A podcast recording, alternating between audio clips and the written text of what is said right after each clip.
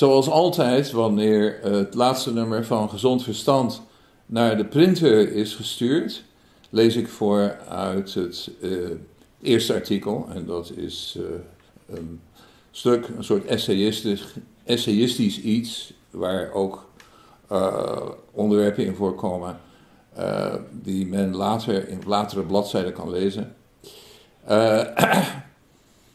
en dit keer heb ik het genoemd Wenken voor wakkere analisten.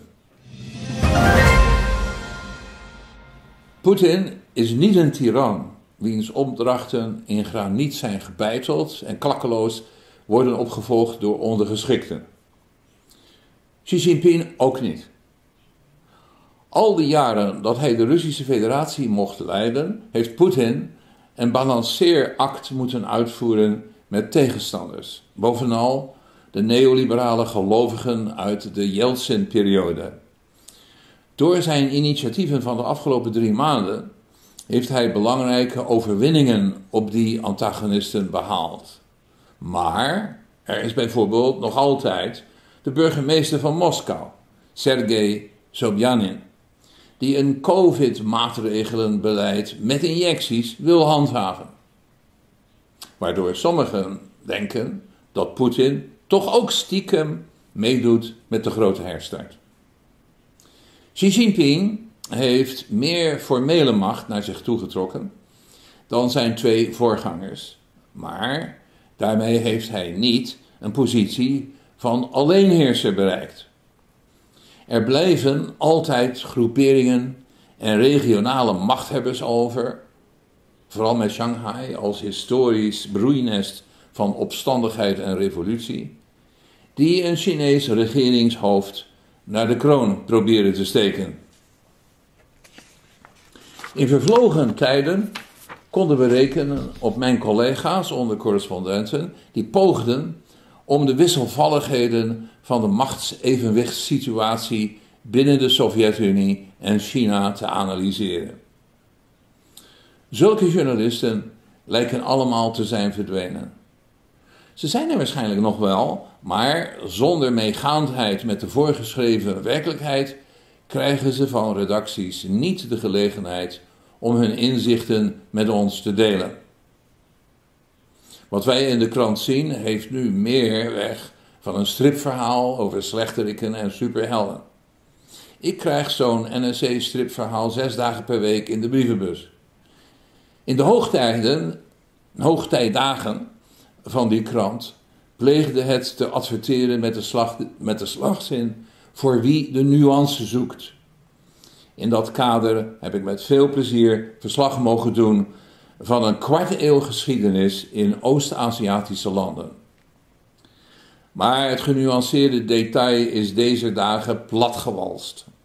De werkelijkheid wordt binnenstebuiten weergegeven en praktisch alles wat met de machtsverhoudingen in de wereld te maken heeft, is voor net iets minder dan 100% voorspelbaar wat betreft slechteriken en helden. Naast de transgenders die moeten opboksen tegen vooroordelen in hun omgeving. Het grote verhaal bevindt zich in de details.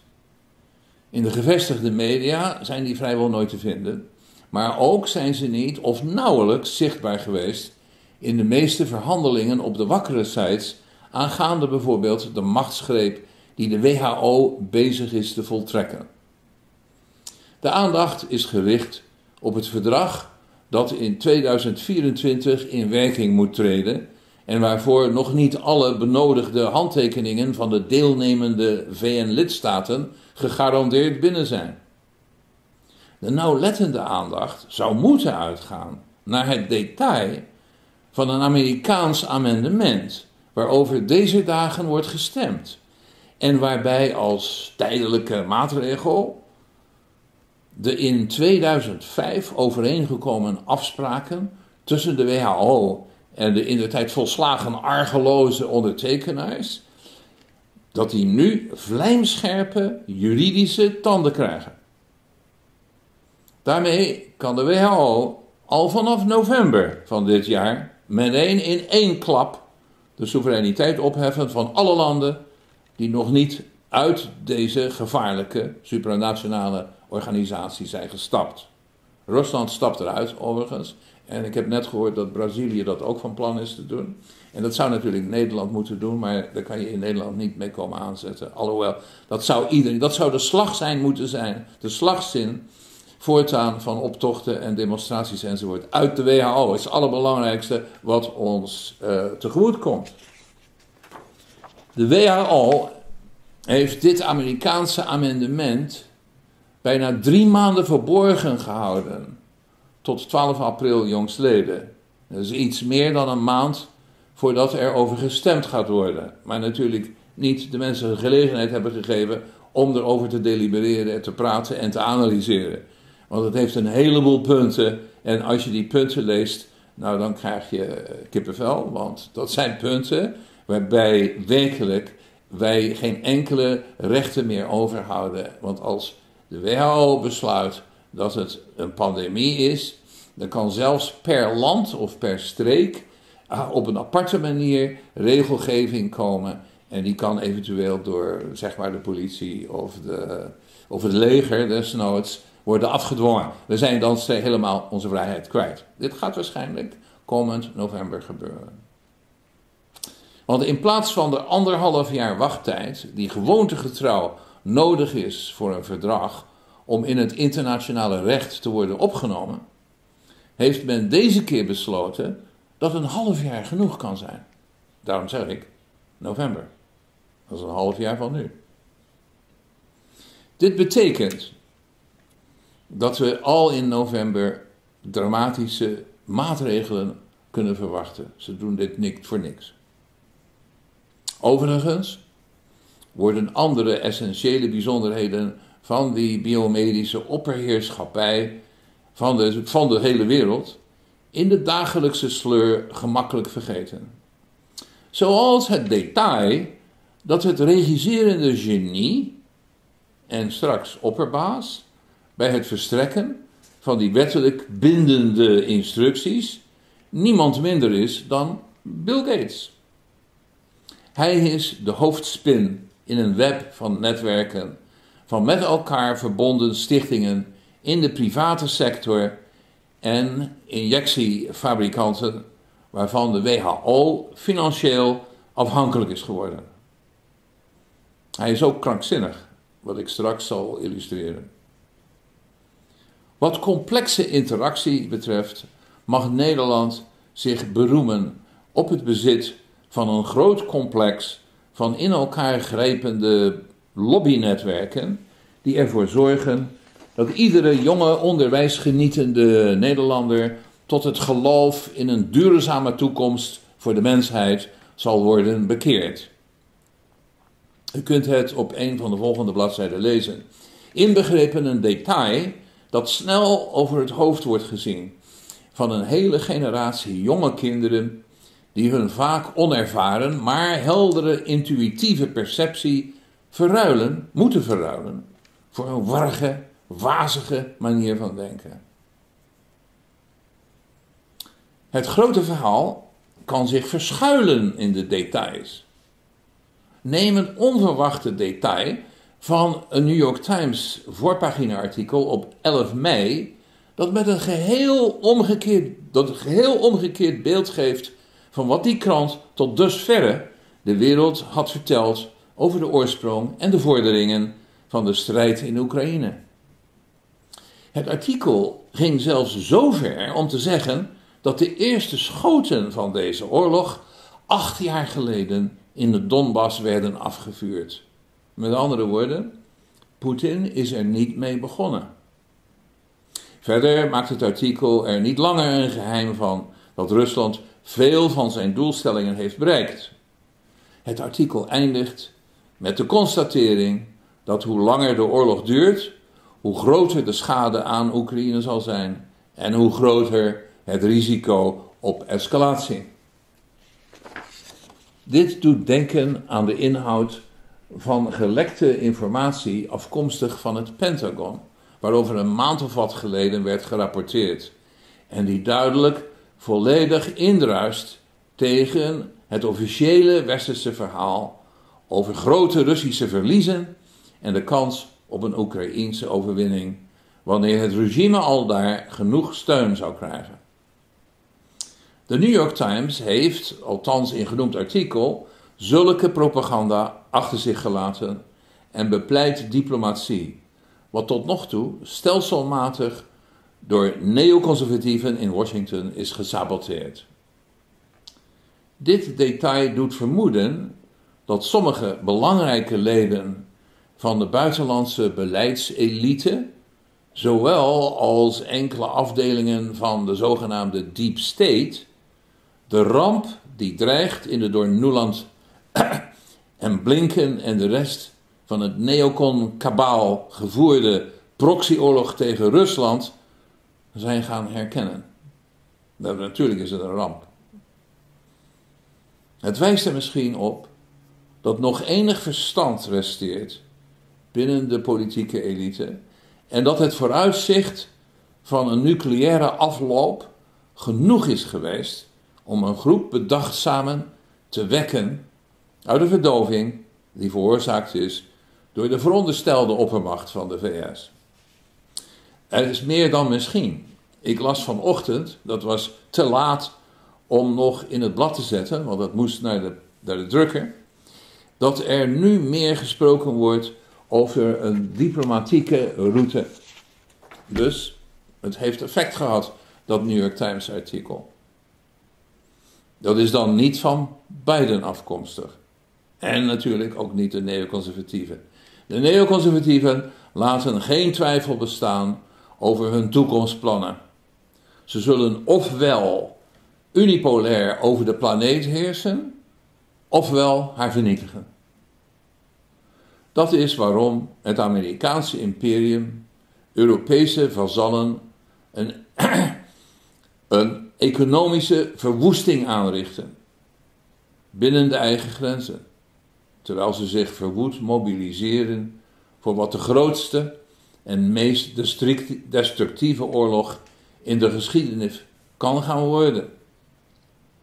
Saillant detail is dat in door NAVO-landen gehouden militaire oefeningen men niet het langer opneemt tegen een abstract omschreven vijand, dus uh, uh, partij blauw tegen partij wit of iets dergelijks, maar Rusland met naam en toenaam als doelwit wordt genoemd.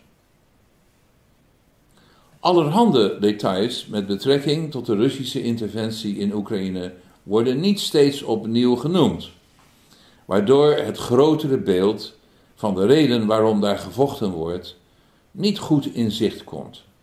Bijvoorbeeld het feit dat de 40 miljard dollar aan een wapensteunpakket die Nancy Pelosi er in één dag in het Huis van Afgevaardigden zonder noemenswaardige discussie doordrukte, in de zakken verdwijnt van Raytheon, Lockheed Martin, General Dynamics en andere kooplieden van vernietigingsmiddelen. Dit militair-industriële complex heeft oorlogen nodig om te blijven voortbestaan. En is daarom waarschijnlijk net zo bepalend als de revolutionair ingestelde neoconservatieven die een beleid voorstaan dat te vergelijken is met autorijden zonder remmen en achteruitversnelling. Een van mijn wenken is om iets dat krankzinnig lijkt ook als krankzinnig te zien en te noemen. We weten goed dat de verstandelijke vermogens van president Biden door dementie zijn aangetast. De uitlatingen van vicepresident Harris hebben in brede Amerikaanse kring de zekerheid doen postvatten dat we met een idioot van doen hebben. Het idee van de neoconservatieven dat de sinds 1945 bestaande rol van de Verenigde Staten als opperheerser door middel van een oorlog kan worden gehandhaafd, staat geen, twijfel toe in zaken hun krankzinnigheid. Maar in gangbare analyses van het wereldgebeuren worden de geestelijke aberraties van topbeleidsleden nog altijd vrijwel automatisch over het hoofd gezien.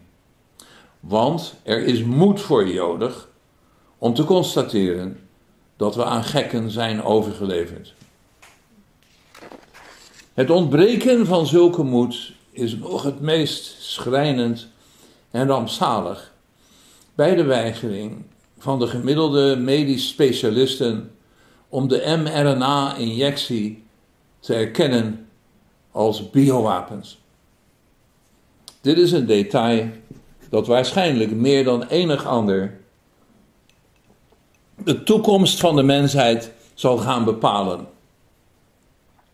Lezers van vooral de, de recente nummers van Gezond Verstand, die relevante informatie daarover in zich hebben opgenomen, weten dat het belangrijkste doel van deze giftige injecties is om de adaptieve immuniteit die optreedt na blootstelling aan pathogenen bij volwassenen volledig te vernietigen. Er bestaat ook een natuurlijke immuniteit waarmee mensen geboren worden. En meest recentelijk zijn campagnes begonnen om bij kinderen en zelfs baby's die laatstgenoemde aangeboren immuniteit met het injectiegif te destabiliseren. De wereldbevolking zal nu al niet meer in staat zijn om pathogenen te bestrijden en kudde-immuniteit te bereiken.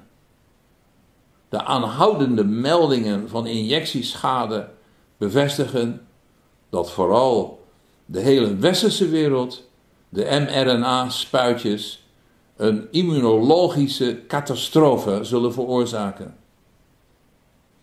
Dit biedt het vooruitzicht op achtereenvolgende pandemieën, die slechts kunnen worden bestreden wanneer een tegengif voor die spuitjes kan worden ontwikkeld. Bill Gates kwam afgelopen november met de voorspelling dat de wereld te maken zou krijgen met een onverwachte uitbraak van pokken. Hij hing daar meteen ook een prijskaartje aan. En ik citeer: Het zal waarschijnlijk ongeveer een miljard per jaar kosten voor een pandemische, pandemische taakforce op WHO-niveau, die toezicht houdt en daadwerkelijk doet wat ik ziektekiemspellen, germ games noemt hij het, waarbij je oefent. Oké, dat is, stel je voor dat een bioterrorist de pokken naar tien luchthavens brengt. Deze dagen kwam het bericht dat een ongekende uitbraak van het apenpokkenvirus zich heeft verspreid naar tien landen buiten Afrika, met 107 bevestigde of vermoedelijke gevallen. Gezond verstand skepsis nodigt uit tot het vermoeden dat dit iets te maken heeft met de gain of function experimenten van de ongeveer 300 over de hele wereld verspreide en door het Pentagon betaalde biowapenlaboratoria. De uitbraak, dus die uitbraak van de apenpokken, vindt plaats spontaan een jaar nadat een internationale bioveiligheidsconferentie in München een simulatie hield van een wereldwijde pandemie medio mei 2022, dus nu, veroorzaakt door een ongebruikelijke stam van apenpokken. De helderziende Gates is van alle leden van het misdaadsyndicaat, die verantwoordelijk zijn voor de COVID-dictatuur en de grote herstart, als de nummer één onmisbare figuur geweest. Zonder hem zou de WHO niet in handen van het syndicaat zijn gekomen. Bij het zoeken naar details is hij dus alle aandacht waard. Gates zegt dat het bij Gavi, de vaccinalliantie die hij heeft opgezet en die COVID-19-injecties aan de man brengt, dat het daar gaat om het redden van levens. Hij liegt omdat hij zichzelf ook heeft geïdentificeerd als iemand die ontvolking propageert. Dus die wil niet levens redden. Hij liegt altijd. Zo iemand wordt een pathologische leugenaar genoemd. Tijdens een van zijn toespraken voor het World Economic Forum kwam hij met de krankzinnige conclusie dat vanwege het feit, hij noemt het een feit, dat wij allemaal klimaatverandering veroorzaken, wij in aantal moeten worden gereduceerd. Daarom hebben zij investeringen alles te maken met toezicht op een propaganda van massamoord. Dat laatste is wat nu gaande is. Een misdaad te groot om er ons een emotionele voorstelling van te maken.